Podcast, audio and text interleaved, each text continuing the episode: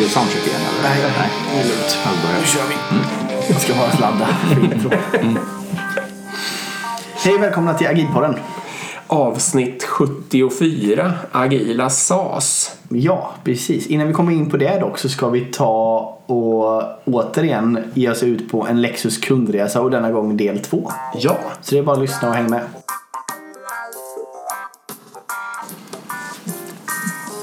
Då säger vi välkomna till Lexus kundresa del 2. Sist så satt vi ju hemma i eh, Dicks kök Just det. och pratade och letade återförsäljare och nu sitter vi i bilen på väg till återförsäljare. just det. Och jag tänkte att vi skulle prata lite om vårt bilintresse. Eh, För vi har faktiskt ett ganska stort, både du och jag. Tycker du? Eh, Ja, lite halvt. Eh, Så ni förstår bara vår bakgrund här. Då kan man säga att mina föräldrar då, de sparade ihop så här lite pengar till mig eh, när jag var liten och satte i fonder och så. Ja. För att jag skulle kunna köpa någon, ja, egentligen någon lägenhet eller någonting när jag fyllde 18 eller 20. Jag anar vart det här är på väg. Ja. Skulle liksom få ett, ett, en, bra, en bra start i livet med en insats till lägenhet. Liksom. Så när jag var 18 eller 20, jag kommer inte ihåg vilket, så fick jag tillgång till de här pengarna. Då. Och då var det ju lyckligtvis ungefär den summa som en riktigt fin bil kostade. Så vad gjorde jag då? Jo, då köpte jag ju såklart en bil istället. Eh, men idag så äger jag faktiskt, är jag mer måttlig. Idag har jag faktiskt bara en bil än så länge. Men du har desto fler. Ja, ja, och just i dagsläget har jag ju fyra bilar faktiskt. Och även en femte beställd. Exakt. Eh, så jag, jag, det är ju lite som att jag samlar på bilar. Eh, och jag, jag har ju en terrängbil, det är den vi sitter i just nu faktiskt. Den har varit på Island och varit uppe på höglandet och kört. Så jag har en husbil. Eh, jag har en elbil. Eh, och det, den är ju, det är ju den jag försöker använda allra, allra mest. Så länge räckvidden räcker så är det ju den jag kör. Liksom. Och sen har jag en sjusitsbil på väg in också.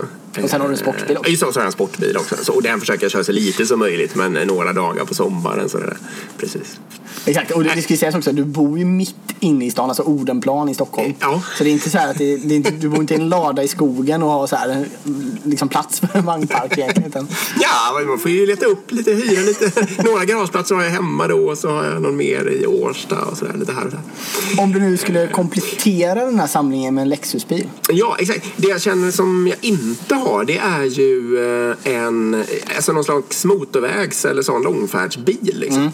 Och då är det ju den här Lexus ES som jag är sugen på. Alltså den mellanstora sedanen. Tycker den är sjukt snygg och den är antagligen sjukt bra. Och eh, det ska bli jättespännande att se den när vi kommer fram här. Mm, precis. Jag däremot skulle ju eh, utöka min då, jag kan inte kalla det för vagnpark när jag har en bil. Skapa din vagnpark. Ja, för att skapa min vagnpark så skulle jag då välja en Lexus RXL.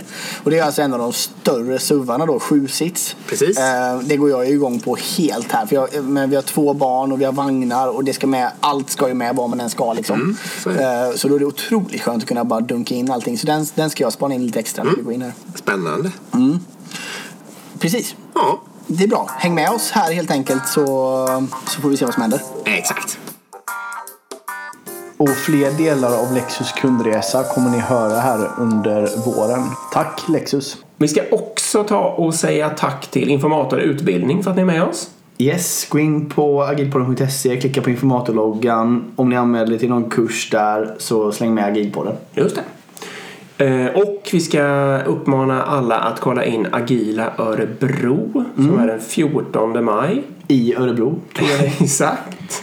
Webbadress agilaorebro.se. Exakt, och där kan man också se vilka det är som kommer att prata och allt sånt där. Så gå in där och läs och sen anmäl er. Precis. Eh, välkommen Jagge, dagens gäst. Ja, kul. Tack för att jag får vara med. Ja, du har varit med som en, lite, lite innan. som ett inslag eller vad man ska säga. exakt. Eh, på Agila Sverige eh, 2019 tror jag. Stämmer bra. Ja. Nej, men jag har ju hört det eh, många gånger så det, det är roligt att vara med på andra sidan. får man se hur man hörs själv i bakgrunden. Ja. Vem är du? Ja, precis. Vem är jag? Eh, jag eh, jobbar idag på ett företag som heter Takton. Eh, blandning mellan eh, klassisk chef och agil coach skulle jag vilja säga. Jag har jobbat mycket med organisationsutveckling. Eh, försöker effektivisera bolag på det sättet det går. Eh, fokuserar mycket på människan skulle jag vilja säga. Jag tycker tekniken är det enkla. Det är alltid människan som strular eller funkar. Det är Ja, vad jag coolt. tycker är skoj. Och du är ju också en av de här medlemmarna i Agila Sveriges exekutivkommitté. Ja, precis. Eller vad det nu kan heta. Något sånt. Nej, men så, precis. Så vi kör Agila Sverige. Det, har pågått nu många år. Ehm, 12 år tror jag. Kan det vara 13 till och med? 12 tror jag. Ehm, det finns ett stort behov fortfarande. Ja, det kan man vilket är lugnt skoj. säga. Ehm, Behovet är väl större än någonsin? Ja, det är väl så. Det tror jag. Det tycker jag i alla fall. Även om många ändå har anammat eh, tänket. Det är inget nytt längre. Men det jag tycker mig se är att HR slår hårt. Eh, mycket runt HR och agil, agil HR.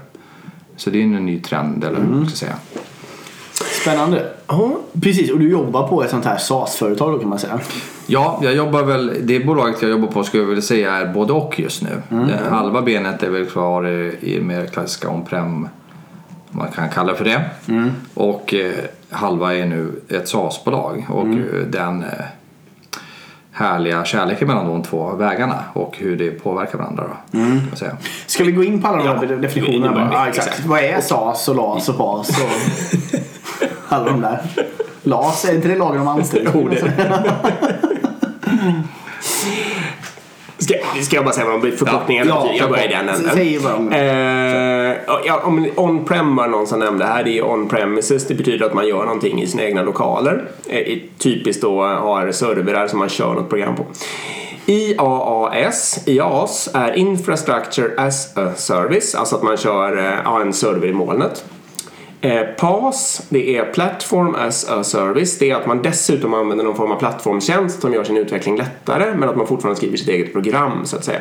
Men exakt, men det är att man har, då har man infrastructure as a service också då. Troligtvis ja. Eller det måste man göra. Exakt. Software as a service. Det är ju då att man använder ett färdigt program som man kanske på något vis anpassar men att det huvudsakligen är en färdig mjukvara eh, som man har som tjänst. Precis, och som har alla underliggande komponenter också. Alltså, Mest tro. Ja. Eller ja. Ja, hur, hur är det om man hyr ett? Ja. Man betalar hyra men hostar på sin egen... för, för lokalen tänkte du?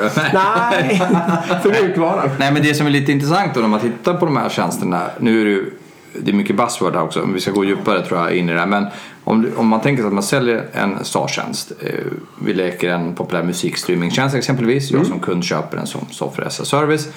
Men bolaget i sig i det här fallet har ju oftast i sin tur SaaS-tjänster, plattform as a service och så vidare. Så de har ju också, det är någon kombo de levererar, så de är beroende av andra. Så det är väldigt få som liksom är allt. Det finns ju de som säkert hostar sina egna grejer och driver sånt. Men de flesta köper från andra så de är ju en del bara i den här floran av leverera en applikation som i sin tur köper en ny tjänst för att göra det enklare. Men jag som kund bryr mig inte om dem, jag köper ju bara tjänsten som ska funka då. Eh, Exakt, ett konkret exempel på det skulle kunna vara att säga att vi bygger ett, eh, om vi tar det här HR-systemet. Vi bygger ett HR-system, eh, vi tre sitter och kodar ihop det och sen så hostar vi det då typ i AWS eller i Google eller var som helst egentligen. Eh, Och sen så integrerar vi det här då med en kund, en, vilket då? Apoteket till exempel. Eller hur? Då, då finns det ju massor med olika, vi använder ju molntjänsten då. Ja. Och de köper tjänsten av oss precis. Precis, och då slipper de ju ha kompetenser, de slipper infrastruktur och operations och allt det där som man kan tänka sig behöva annars. Jag skulle giss, nu gissar jag lite men jag skulle tro att ett bolag som kanske har hela stacken som till exempel eh, Google. Eh, de har, det är troligtvis helt olika divisioner av det där företaget Antagligen. som sköter molngrejset och som sköter Gmail liksom. Så det blir ju i alla fall nästan, även om det är samma bolag så blir det i alla fall olika Tjänster man levererar till varandra, Ja, ja. exakt. Ja, men vad tyckte ni om det här? Jag bara fastna en halv sekund i det. Om man hyr en licens men kör den på sin egen, alltså man betalar en månadskostnad för en licens men man kör den på sin egen dator. Är det då software as a service? Äh, nej men jag, det, vi pratade lite om vad är software as a service. Jag, ehm, måste det vara på någon annans dator? Eh, nej, nej det, i sitt ord. Jag tycker väl inte att det är en krav. Att det behöver vara en cloud det tycker jag inte tjänst. Eh, för det, du, du, får, du får ju massor med värden för att den är en cloudtjänst. Ja. Det är klart att du kan installera den på, på din dator och driva, eh, köra applikationen där också. Men då blir det mer on-prem och du förlorar massor med saker som du annars har. Eh, Så jag skulle, ja, det, den är... Från ett tekniskt perspektiv kanske den är det. Eh, En on-prem lösning. Men som en kund som upplever att de får en service så spelar det nog ingen roll för dem. Det är väl mer upplevelsen att jag som användare har Att jag kan vara smärtfritt använda tjänsten Ja. utan att behöva bry mig om någonting annat. Nu när jag tänker på det desto mer kanske jag tycker att det är så. Inte varenda webbläsare är väl så till exempel. Jo. Och, eh, men för den delen även Photoshop tror jag eh, är väl så va? Det är en fet klient och så vidare. Ja, det är en fet klient som man köper sin egen. Man hostar det själv. Men man får alla uppdateringar, allt tjafs och är, sköts i bakgrunden automatiskt eh, och så vidare. Jo, men precis. Så det, kan, det finns ju faktiskt sådana fall. Precis, men ska vi komma in på det här? För det är också en jättestor skillnad mellan business to business och business to consumer här tänker jag. Ja. För som jag tänker på, jag vara lite chockad här när vi börjar prata om eh, SaaS-tjänster och sen prata om liksom, eh, appar och sånt. För det känns liksom för mig mer som att det är något annat. När jag tänker på SaaS-tjänster så tänker jag ju på att man köper någonting av ett företag som man sen integrerar i sina system. Liksom. Typ ett HR-system eller vad det nu kan vara. Ehm, eller vad tycker ni? Vad är skillnaden på business to business och business to consumer? Lite så, ja, jag håller med dig och att consumerprodukterna ofta ja, det är med en flytande skala förstås, men att de kanske har färre integrationer typiskt och, att, och mycket, mycket lägre nivå av inbyggnad och inlåsning. Eh, att business to business-produkterna kanske är ofta mycket större projekt där man låser in sig mer och bygger ihop det med andra system. Men, För ni håller på med business to business. Ja, Ja. det stämmer bra. Coolt. Ehm, Men det, jag antar att eh, det, det borde vara så. Det är en, det är en bra hypotes. Eh, Att business to business är lite... Men sen finns det ju stora... Sen finns det ju då... Det finns många business to business eh, SaaS-bolag då som erbjuder väldigt tailored lösningar. Om tidigare som Mailchimp eller något liknande där man bara gör en sak. Sen finns det de som försöker göra större aspekter. Eh, De, de som är mer tailored de blir inbakade i infrastrukturen eller med andra system för att de är så tailored så de måste ju liksom byggas in i resten av kedjan. De som är jättestora om vi nämner ja, kanske Workday, SAP eller Salesforce. Ja. De är ju så stora så de byggs in i hela businessen istället. Så båda får ju en låsningseffekt. ja, I min hypotes då. Båda är jobbiga att ta ur. Den ena så rycker man ut hela kroppen, den andra rycker man ut lungan. Ja. Eh, Sådär. Så, att, så, så med, medan business to consumer, där är det ju absolut en annat beteendemönster och det, det behöver man inte vara rocket science för i slutet ändå. Men där man kanske också erbjuder mer tailor, oftast eh, så, lös det här bara. Men, eh, men eh, att byta kan vara enklare och man kan välja. Det finns sidor som hjälper en att välja allt från bredbandsleverantör till streamingtjänster exempelvis. Det- Nu kommer det till med det här. Nu vet jag vad det är jag uppfattar när det blir en SAS förresten. Och när det är något annat skit. Det är ju om uppgraderingarna är sömlösa eller inte. Alltså om man måste göra något när man uppgraderar då kändes det inte som en tjänst för mig liksom. Som en SAS. Eh, Typ exempel då kanske SAP, i alla fall gamla SAP. Eh, men däremot Chrome då eller något sånt där. Men jag tror även Salesforce om man har gjort rätt. Och kanske Tacton-produkten också om man har gjort rätt. Då kan man att den bara följer med hela tiden. Och att det inte blir massa problem. Då känner jag liksom men det är bara min egen eh, subjektiva maggropskänsla här. Men då känns det som en äkta tjänst. Ja, jag, jag tänker också så här att en fördel som kommer då med, vi kommer att prata om en del utmaningar med att bygga en SaaS-produkt och SaaS-bolag. Det- En fördel som oftast kommer med det här om man gör andra saker rätt är att det skapar en, vi använder ordet agilitet i, i leveransen. Vilket gör att det är mycket enklare, förenklar att leverera mycket små saker hela tiden. Vi har pratat om det så många gånger genom åren. Om, om man har den, då, kan man, då måste man ha en smidig uppdateringsfrekvens. Annars skulle folk bli tokiga om det skedde varje dag. Så absolut så har vi oss också, också med zero downtime och försöka fixa saker på våra SaaS-produkter. Det skulle inte gå annars, för då skulle vi inte kunna ha så ofta uppdateringar om du, de måste sitta på IT-avdelningen varje vecka. Istället då så gör de det en gång om året eller en halvår men då blir det jättestort istället och då blir det ett nytt problem. Så att det är liksom pest eller kolera. Men infrastrukturen och kontrollen över den gör ju att du kan göra det här mer smidigt. Hur ofta ändrar sig Tacton-produkten? Eh, vi, vi har frekvens en gång i veckan och sen kan det vara emellan. Men vi håller veckovisa mindre releaser och sen patchar och fixar emellan om det finns behov. Då. Och, då, och då följer alla med upp samtidigt? Ja, så- eller? så är det. Alla som har moln Alla som har SAS-molntjänsten ja, det uppdaterar vi samtidigt. Vi har en, så ja. ett steg innan för test och sen och så vidare. Ja, men då kvalar ni på min. Ja, det är skönt. Ja, det är tur. Certified by Agilpodden. Ja, faktiskt. kan ni använda. Nej, men vet ju till exempel någon som inte funkar så är ju eh, Dynamics 365 CRM. Är ju, då jobbar de ju med tydliga versioner. Jag tror de släpper, ja, åtminstone var det så här för några år sedan så jag ska inte säga för mycket. Eh, men då släppte de kanske en i halvåret. Och man var tvungen, det var en, man, varje företag var tvungen att medvetet uppgradera och man var tvungen att köra på någon av de tre senaste tror jag eller något sånt där Ja. liksom, hela tiden. Men det var ju ändå ett jobb, ett projekt liksom. Men, men jag har ju hört om, jag har till och med varit på företag och jag har hört om företag som har SAP-uppgraderingar som liksom i princip, för det är många, om jag tänker, det finns ju en del fula SAS-bolag också skulle Mm. sägas. det är min spontana tanke om ett SAS-bolag är ju att nu, okej, är det något lurt, nu gäller det att se upp här. Ja. Ehm, och det, då är det ju liksom så här, då heter det ju helt plötsligt att efter en, st- efter en stund och fast allting funkar perfekt så kommer den här mj- mjukvaran sluta så att uh, supporteras. För det finns en ny. Och då skulle det heta att det kommer något migreringsprojekt liksom. Och helt plötsligt så finns det en faktura där på x antal konsulttimmar som ska in och hjälpa till och så vidare. Eh, och lämnar egentligen eh, bolaget helt utan, alltså man har inget val, man måste uppgradera. För om man inte gör det så har man ju helt plötsligt ingen support. Och, ja. Och projektet att ta sig ur är ändå mycket, mycket större och det kommer man inte vara sugen på. Liksom. Nej precis, exakt. Men ni, ni gick in på en bra poäng här tycker jag det här med, med enkelheten om man gör det någorlunda rätt och att kunna uppgradera. Det är också viktigt att tänka på kunden. Även om man blir sugen på att hela tiden göra saker för man har möjligheten att göra det så kan det också bli ens värsta fiende. Man har ändå en slutanvändare här borta som man måste behandla på ett visst sätt. Även om man inte har nertider så kan funktionalitet ändras som inte var tänkt och, och um, saker flyttas runt och sådär. Där man själv tänker att det här är perfekt. Men det är ju inte alla kunder som kanske vill ha det. Så att, ehm, och det kan ju krävas ett tag innan kunden kommer in i de nya funktionaliteterna som, som man inte ändrar för ofta. Ehm, Som man kan bli sugen på när det är enkelt att trycka på knappen. Liksom. Finns det sömlösa integrationer? Ja, eh, det finns det säkert. De är nog extremt små. Eh, eh, nej men där apropå eh, som du nämnde där att man, blir, man, ska bli lite, man ska lyssna lite extra om man hör ett SAS-bolag. Jag tror man ska lyssna väldigt extra om man hör ett SAS-bolag som säger att de är sömlösa integrationer. Men sen är det ju en definition, vad är det då? Jo, nej, Integrationen i sig ska ju vara sömlös men att integrera är både ett strategiskt val, för det är oerhört viktigt för att vara idag. Både för att bibehålla kunder och göra det bra med all data som ska flöda över alla systemen. Men också eh, så kräver det stora insatser.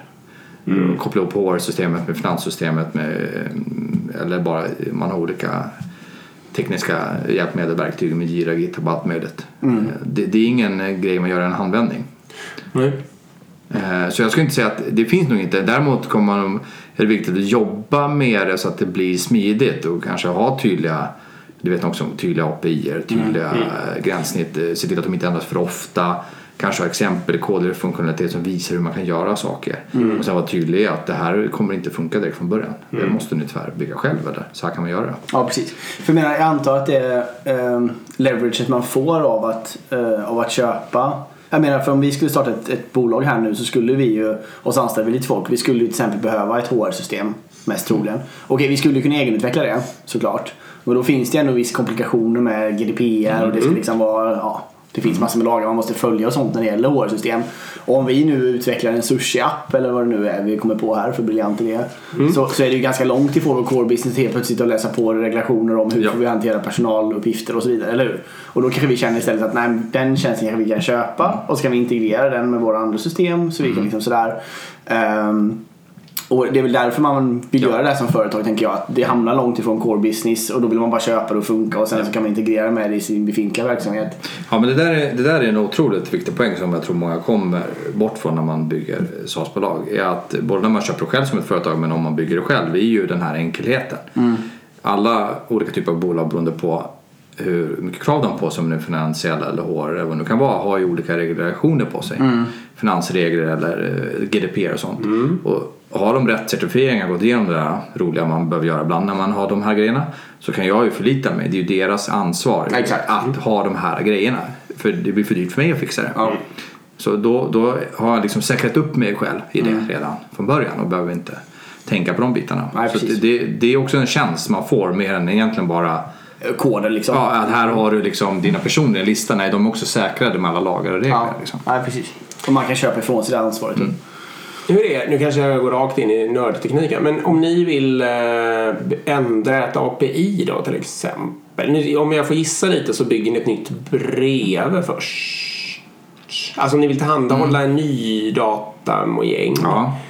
Eh, Nej, Om vi behöver ändra någonting så kunden behöver ändra på sin sida. Ja, det är ju det, är det tråkigaste. Ja. Det, det vill vi försöka undvika. Vi har ju, när det, om det är större funktionalitet som försvinner eller större ändringar som kräver anpassning hos kunden, som kan hända ibland, då har vi 90 dagars eh, pre-notice kallar vi det för. Eh, där, där försöker vi verkligen hålla ner det minimalt. Men det kan ju hända ibland att man behöver göra om någonting som inte blev rätt. Eh, så, och då får vi jobba med de kunderna och informera dem noggrant att eh, nu kommer det här ske och försöka hjälpa dem med det. och det är så ja. Mm. Och, och det är många kunder. Ja, det kan bli en del kunder, men det är inte alla som kanske alltid påverkas för de kan ju ha det. kopplat sig på lite olika API och gjort på lite olika sätt. Så man får ju försöka ha koll på de kunder som kommer drabbas. Eh, och sen får man jobba, eh, man kan ju, nu vet jag inte om vi gör det här, men tidigare bolag då hade, jag, då hade vi flera versioner då. Ja, som ni körde så. Mm. För, det, för det var vissa kunder som inte ville vara med på alla uppgraderingar. De ville göra en gång per år, de tyckte det var för stressigt. De ville inte heller ta det Ja, här de tog hellre en gång liksom. per år. Vi bara okej. Så vi fick ha flera. Vi, men vi ville ju, så vi sa ju mer så här, ja, vi kommer fortsätta uppdatera. Ja. Sen kommer du få paket. Skiljer väl. Här har ni den. Jag menar om vi gör en, i mitt jobb, om, jag, gör- om vi i mitt team gör en API-förändring som påverkar, om vi är en plattformsteam och det är andra som konsumerar. Då har ju i princip vi eh, tjänsten att då hjälper vi dem att göra de ändringarna. Ja, alltså så. då skriver vi den kod, koden åt dem. Men det finns, det finns ju, Det är ett sätt att lösa det. vad heter han, eh, vdn för Jeff Bezos, Bezos. Ja? Amazon. Bezos. Han, de har gjort om sin arkitektur ett par gånger för att de har vuxit så pass mycket. Jag har inte dubbelgooglat om det här är en myt. Jag har läst den på flera källor i alla fall. Att Okej. han har sagt så här. Så det får vi dubbelkolla. Att han hade skickat ut den. Det här gäller liksom. Mm. Jo, men det Det här med att man får sparken. Ja. Ja, nej, men det stämmer. Ja, det. och, och eh, grejen var då att de har ju så många team som jobbar med infrastruktur och microservices och API-er. Och man får göra ganska mycket själv. Men om man ändrar de här gränssnitten utan att ha kollat upp det på något sätt. Då kommer man få sparken. Jaha, nej det vet jag. Okej. Det jag vet att man skulle få sparken för det är om man delar data på ett annat sätt än genom öppna API mellan Ja men det kan, det kan ha varit något sånt också. Hela, hela tesen var eh, ni har för frihet men sjabblar ni till det här då kommer det skita sig totalt. Och här är vi stenhårda. Så att jag tror att man får jobba lite efter sån. Var är man stenhård? Var kan man ha flexibilitet? Eh, Ska vi gå in mer på in, hur man tänker kring infrastruktur kanske? Är det en bra ingång här? Mm.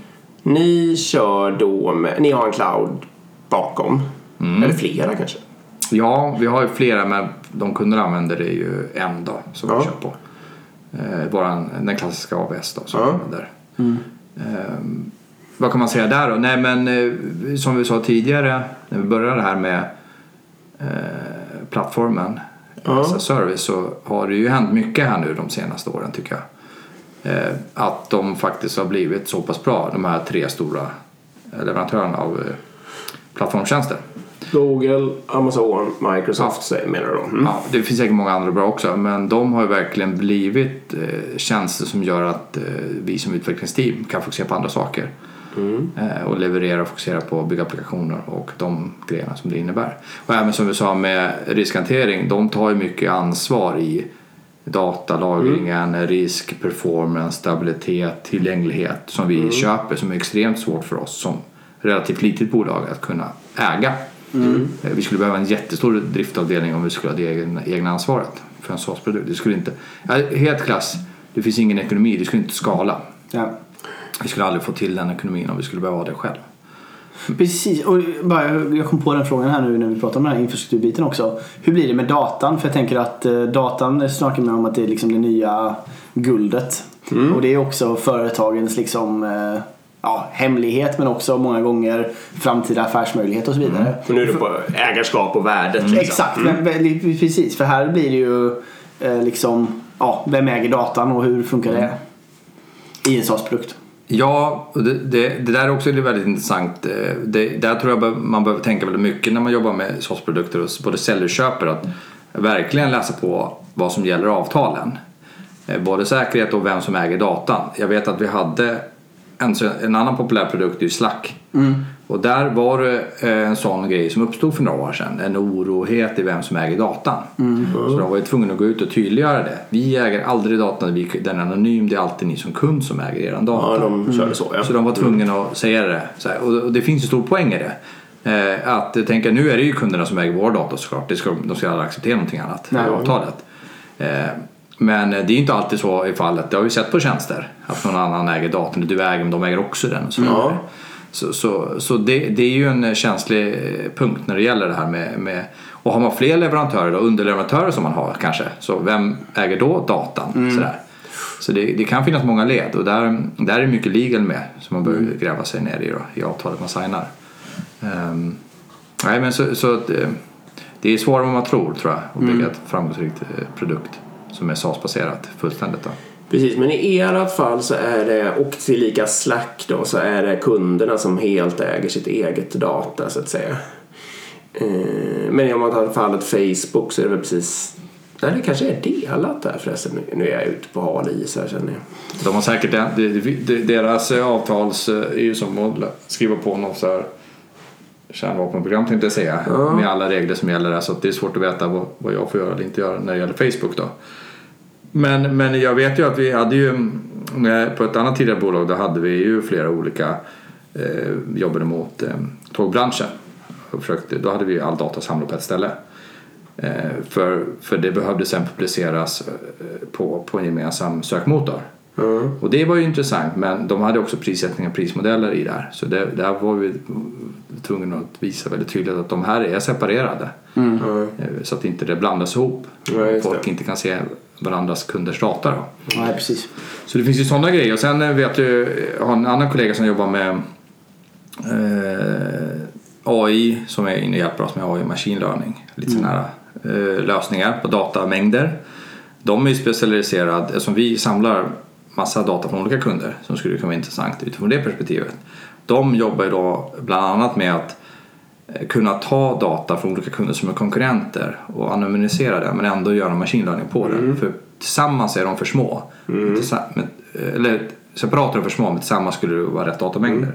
Där har vi en till sån aspekt där man behöver liksom kombinera data från olika kunder som kanske egentligen inte vill dela dem med varandra.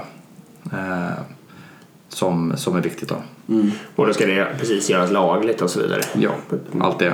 Typiskt sånt exempel är ju hotellprissättning. För varje hotell i sig har ju för lite data men en stad tillsammans till exempel om de går ihop och delar den datan så kan de sätta priserna. Exakt. Eh, Jag kom på ju att hur det funkade för några år sedan på Facebook vet jag ju faktiskt förresten. Då är det ju så att man äger sitt eget data. Men om man eh, när, eller liksom genom att godkänna användarvillkoren så ger man dem en fri licens att bruka datat så länge man själv är användare. Okej. Så det är inte för man drar sig ur hela skiten som de inte får använda datat för sina egna kommersiella Jag vet att det var strul med bilderna också. Att de Nej, ägs av Facebook. Ja. Nej, inte ägs. Man utfärdar De- en licens. Ja, okej. så de får bruka dem för Exakt. andra grejer. Typ Även reklam kommersiella, Ja, exakt. exakt. Det är det som är lite problemet. Men man äger dem faktiskt fortfarande. Ja, Spännande. Men, ja, precis, ja, exakt.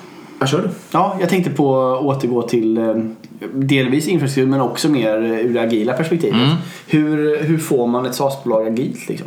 Alltså själva företaget i sig. Ja, den, det var ju... den, den är en tuff fråga. Ja. Eh, för det första är det svårt med agila företag överlag. Jag, jag skulle nästan vilja... Jag, jag lever... Jag kommer säkert ändra mig om fem år när du frågar mig igen. Mm, Men det hoppas vi. Men min det devis, det brukar vara så. Men min devis just nu är ju att eh, ett SaaS-bolag som funkar bra med all den, den tekniken, det finns många andra aspekter också i det, är liksom lika med ett agilt bolag. Om man gör det bra. Då pratar jag inte om att de här största behöver vara det. Men, men vad är agilt då? Eh, för att för det, du, du får ett samspel mellan process och, och teknik och värde med kunden på, som jag tycker är väldigt spännande där du får den här snabba feedbacken om du får det funka.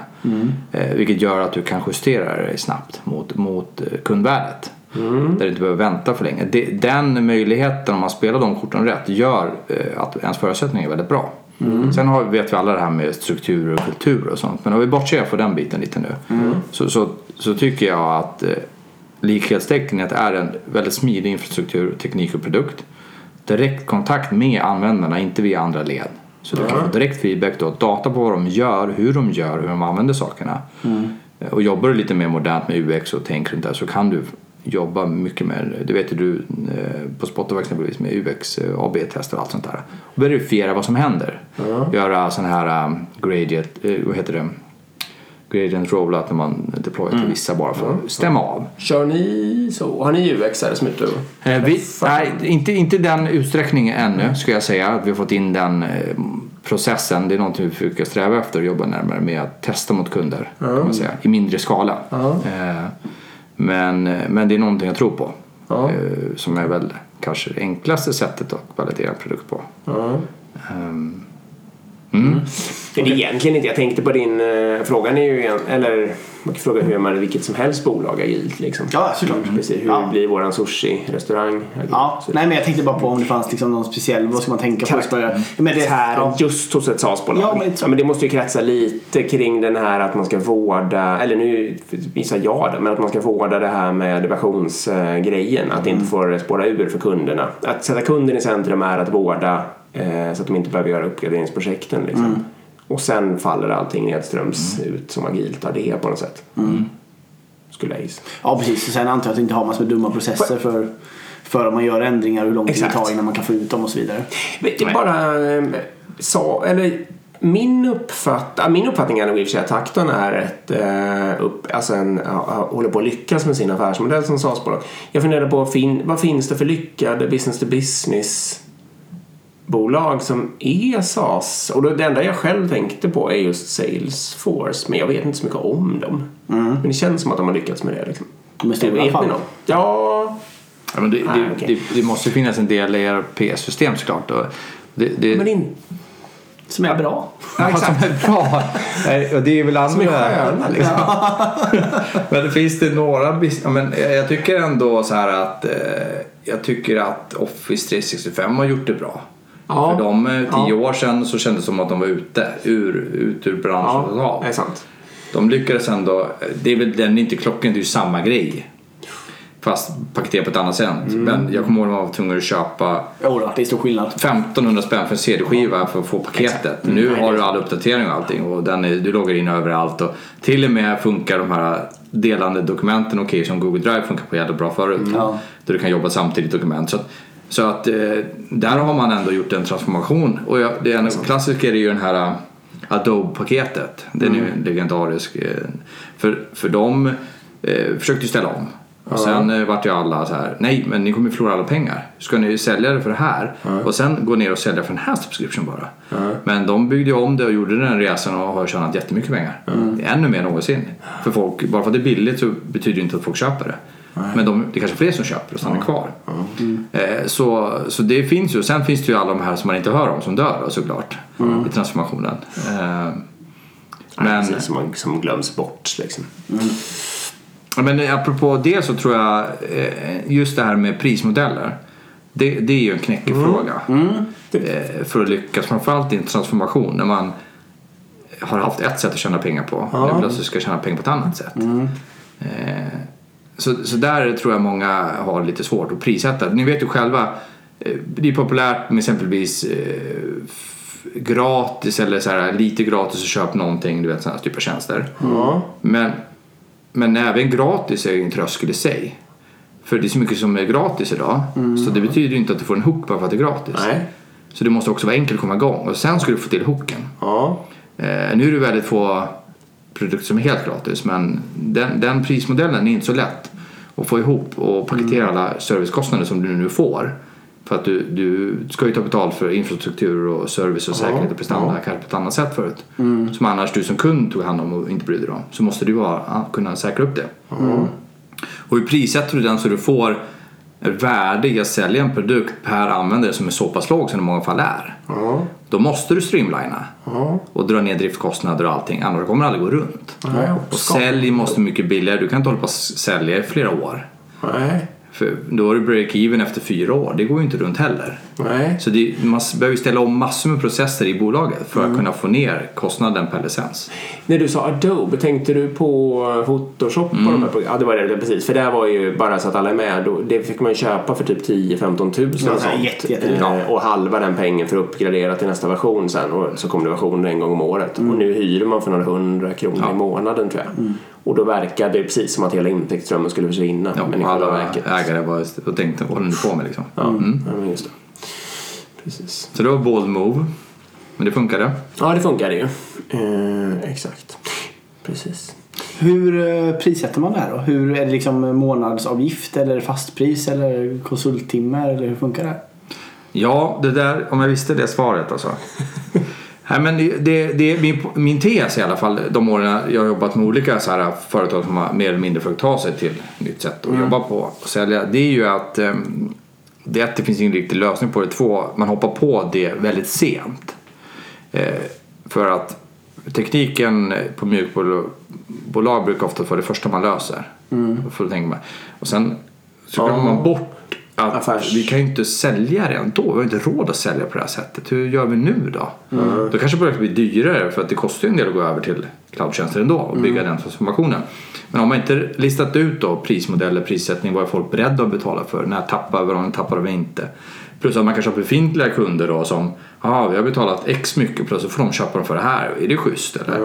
Då vill man ge dem samma men drar man det dem för mycket då förlorar man intäktsströmmen man behöver för att satsa på det nya. Så man äter sin hand som föder den på något sätt. Så min tes är att man måste, man måste börja jobba med det här tidigt. Eh, Hur prissätter vi och marknadsför och säljer och tjänar pengar på eh, det nya sättet. Eh, För någonstans måste man ju få in samma summa någonstans ändå. Eh, Det brukar bli ett uppvaknande.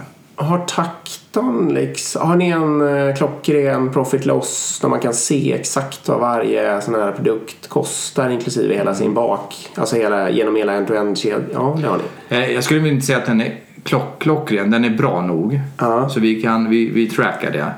Försöker få koll på, på, på vad det kommer kosta.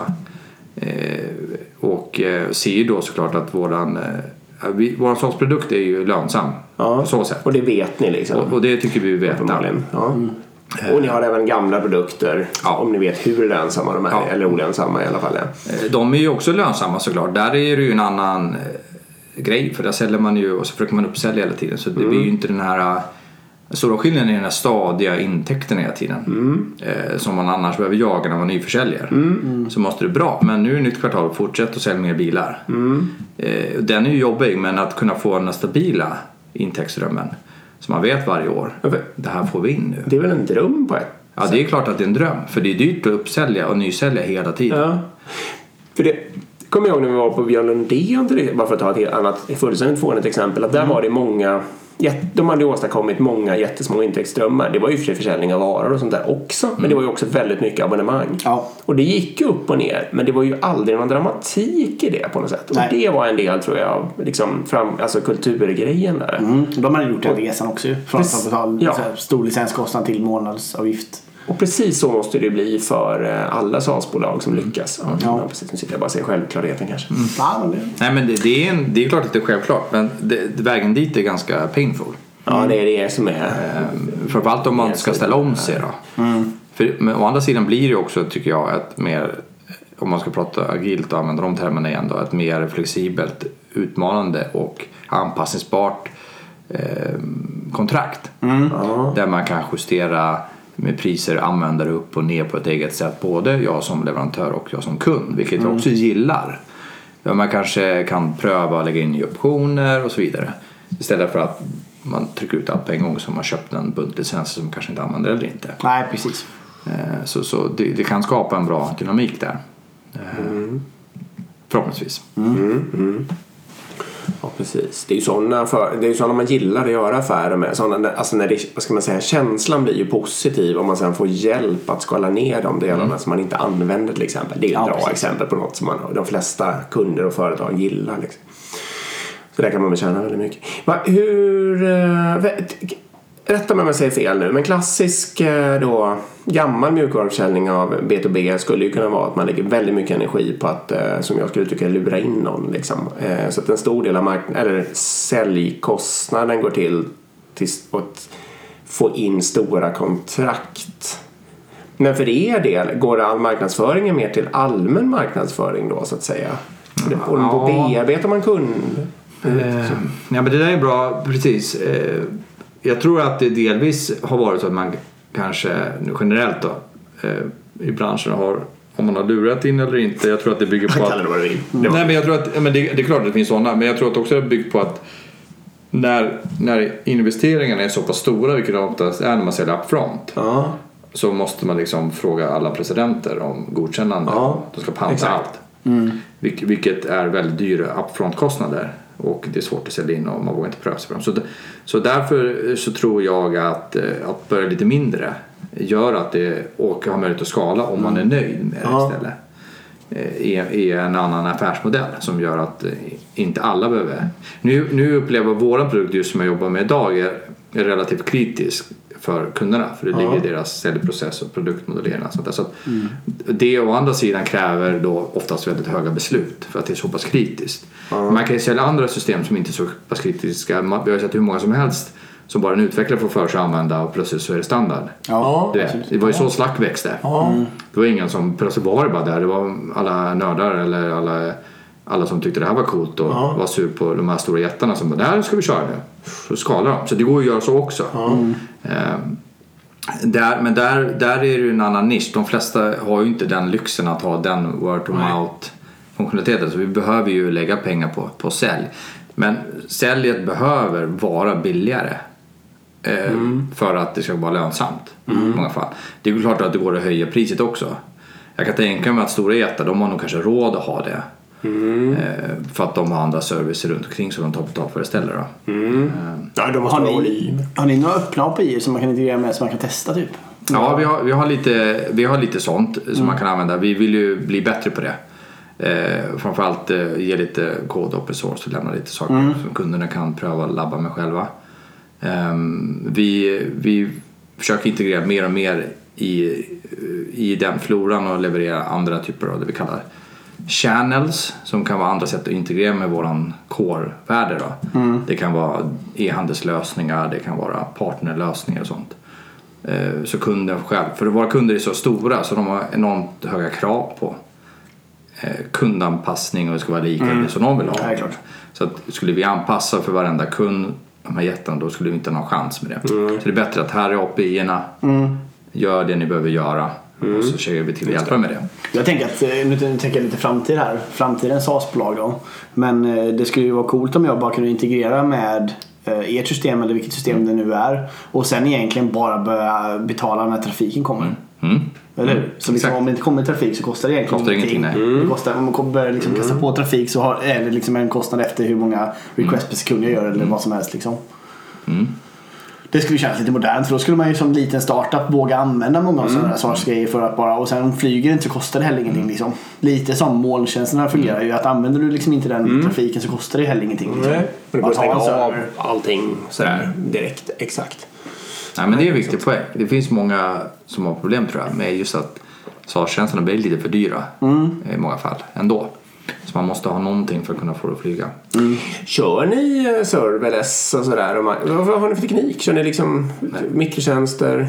Eh, vi kör inte serverless ännu. Vi, vi kör på vi kör containerstocker med Kubernetes. Eh, vi har inte gått fullt microservices. Det här är en, jag hade en intressant arkitekt med en av mina kollegor. Och det här är väldigt spännande. När ska man gå dit? Eh, För, det, för det, just nu behöver vi inte det. Eh, Men vi kanske behöver framåt och när behöver vi ta den långsiktiga investeringen? Pratar du mikrotjänster nu? Eller Ja. så? Mikrotjänster? Ja. Och kanske serverless också, vi får se. Men, men det är också den här vä- avvägningen med att när ska vi ta den långsiktiga investeringen? Kortsiktigt, när är den bäst att ta den? Mm. Du förstår vad jag menar? Eh, och där håller vi på att brottas. Eh, vi jobbar ju med, överlag så tycker jag att vi har väldigt bra arkitektur. Det var en av grejerna jag tittade på innan jag började. För jag orkar inte bygga om program igen, för det har jag gjort så många gånger. eh, och eh, Och moder- vi, men vi jobbar fortfarande på att modernisera den ännu mer. I, i lite, för att få mer parallellighet i det hela. Ja. Eh, Men vi, vi kommer inte just nu säga så här, nu ska vi köra två år mikroserviceombyggnad. Men det är grejen vi bygger nytt ser vi till att bygga, in, bygga inte in det på det sättet då. Så att det faktiskt är lite egna moduler hela tiden. Ja, men okej, men det den, är ganska svårt. den är tjänsteorienterad men, men det är inte liksom mikrotjänster by the book så att säga. Men ni försöker gå åt det hållet.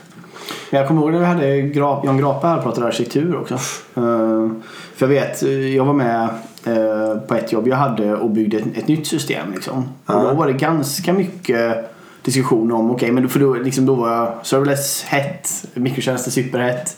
Och vi vill jobba agilt och så vidare. Liksom, och vi hade team. Och, men det är också ganska mycket i början. Att få upp en prototyp som fungerar och så ska du ha flera databaser och du ska få dem att Ja. synka med varandra. Det är ganska krångligt liksom. Så investeringen att bygga mikrotjänster och få det att lira mot att bara lägga allting i en tjänst. Liksom, Det var otroligt stor skillnad på hur snabba vi kunde vara. Och då blir man ju så här lite sugen. Ja, För man måste bygga massa grejer utan att ha gjort en enda användarfunktionalitet. Exakt. Du har inget värde överhuvudtaget liksom. Och då är det så här, okej men vi kanske ska börja bygga en monolit här liksom. Isär den ja. sen. Och sen så får, om det här flyger så har vi i bakhuvudet hur den här strukturen skulle kunna se ut och då kan vi dra isär den på sikt och sådär.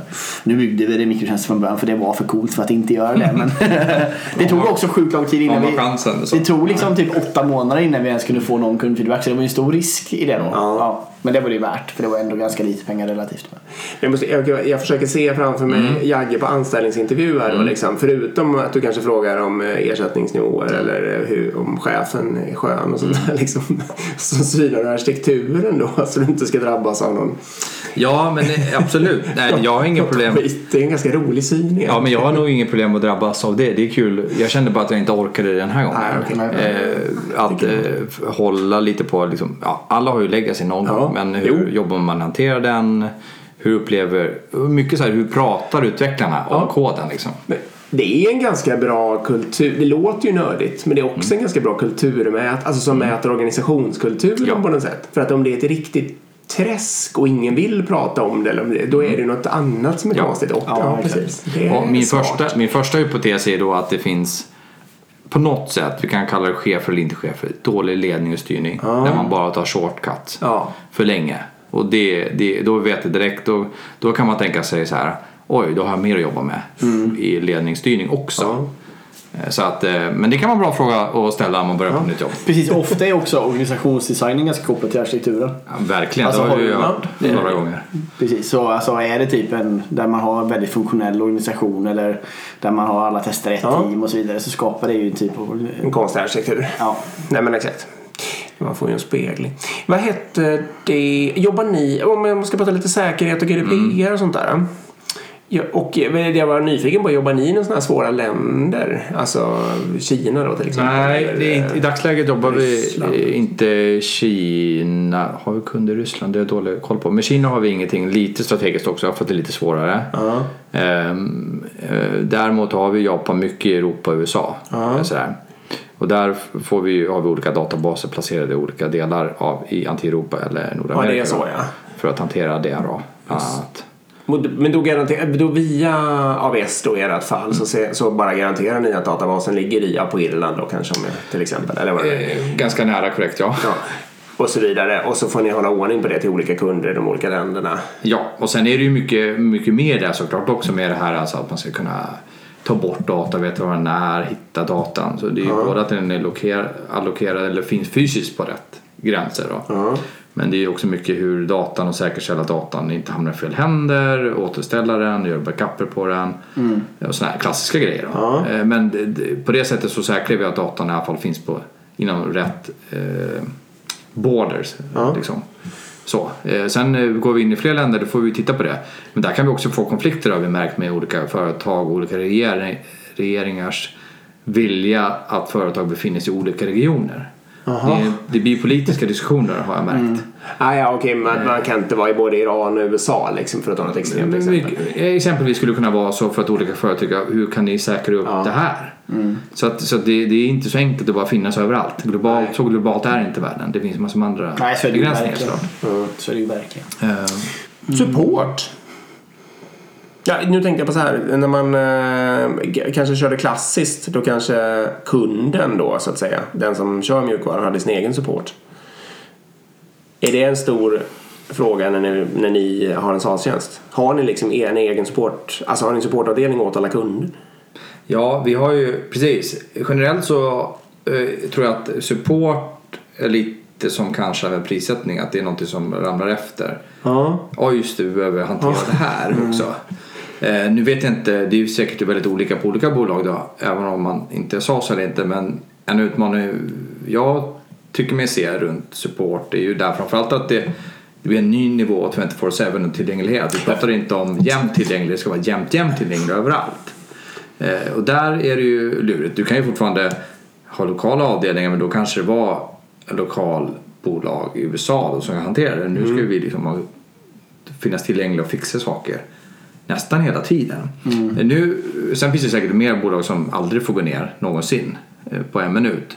Jag, var på, jag har jobbat på sådana bolag också, då var det väldigt kritiskt. Ja. Eh, Men eh, där, där tycker jag mig se en tuff utmaning i hur man organiserar sig och anställer folk Ja, Okej. Mm. som i en transformation som man kanske glömmer bort. Från att ha kontorstid bara ett lokalt eller att bolaget tar hand om supporten själv som man säljer till för de installerar på sina egna produkter så de har all driftsupport. för, nu- nu- förlåt, nu var jag kanske lite slarvig när jag inledde den här. Jag menar ju inte mjukvara. Alltså jag fattar att alla mjukvarubolag, som man kan använda buggar för dem rättade och så vidare. Men jag är ju support, alltså driften, eh, operations liksom. Det flyttas ju från kunden till mjukvarubolaget. Ja. När man går till SaaS. Precis, det var egentligen det som var min, min fråga. Men har ni, hur gör ni det? Har, är det folk på olika ställen i världen eller kör ni mera jour? Ja, vi, just nu har vi folk på olika ställen i världen för att täcka upp eh, Ja, ni har det, de ja. här såklart. Ehm, Det är ju bra. Nackdelen är ju såklart att se till att man alltid har bra support för kompetensen sprids ju. Ja. Eh, Och det, tar, ja, det är ju en väldigt eh, tuff och otacksam roll att vara support. Kan vara ja. Eh, sådär, för man, man eh, hamnar i, kanske inte alltid i den bästa dialogen. Nej. Eh, och sen måste, kan man inte alltid lösa allting. Nej. Det är väldigt sällan är man beroende av andra så det gäller att få till det på ett smidigt sätt där. då. Men vi är ganska trygga i det i många fall för, för vi har eh, väldigt kompetenta människor med en infrastruktur som hjälper oss att snabbt kunna åtgärda saker när vi väl behöver det. Det, var ju, det gör jag mycket för när jag jobbar på andra bolag där man liksom, det tar liksom två dagar att göra en fix. Alltså deploya en fix kanske. Här kan vi göra det på, på, på någon minut bara. Eh, Så fort vi hittar felet. Vilket gör att man är be- bekväm i supporten. Liksom. Ja, det är coolt. Har vi täckt det vi vill? Jag tror det. Då tar vi en runda där. Ja. Då ska vi ta och puffa för lite saker va? Ja. Jaha. Ja, puffa på du. Mark. Vi kan säga så här, om ni vill oss någonting så når ni oss på agilpodden.com. Frågor eller någonting, det är bara att höra av er. Vi har en Instagram som heter... eh, Agilpodden. Yes, exakt. Vi ska ta och tacka Lexus för Verkligen. att de är med oss. Vi ska ta och tacka Informator. Mycket stort tack. Och vi ska ta och tacka Agila Örebro också. Och anmäla er till Agila Örebro på agilaörebro.se. Och sen sist men inte minst ska vi tacka dig för egen för att du kom. Verkligen. Ja, men jag ska tacka för att vara här. Superkul. Ja, verkligen. Eh, Vill du puffa för någonting förresten? Eh, ja du, vi, vi får väl puffa för Agila Sverige som kommer snart. Ja. Eh, biljetterna går åt. Så ligg på luren tänkte jag säga. Ja, exakt. Vi kommer vara där också. Vi kommer Ja. vara där ja. Det är väl, eh, pratar vi biljetter så är det väl ett släpp kvar. Ni får googla på när det är. Och eh, vill ni verkligen åka så eh, antingen får ni en prata förstås. Men annars så ska ni nog lägga in det i kalendern och, och sitta där och vara vaksamma när biljetterna släpps Ja. tror jag. Det är lite rockkonsert över det. det har blivit så. Ja, det har blivit. Exakt. Tack till alla lyssnare. Ja, bra. Tack för att du kom också. Tack. Hej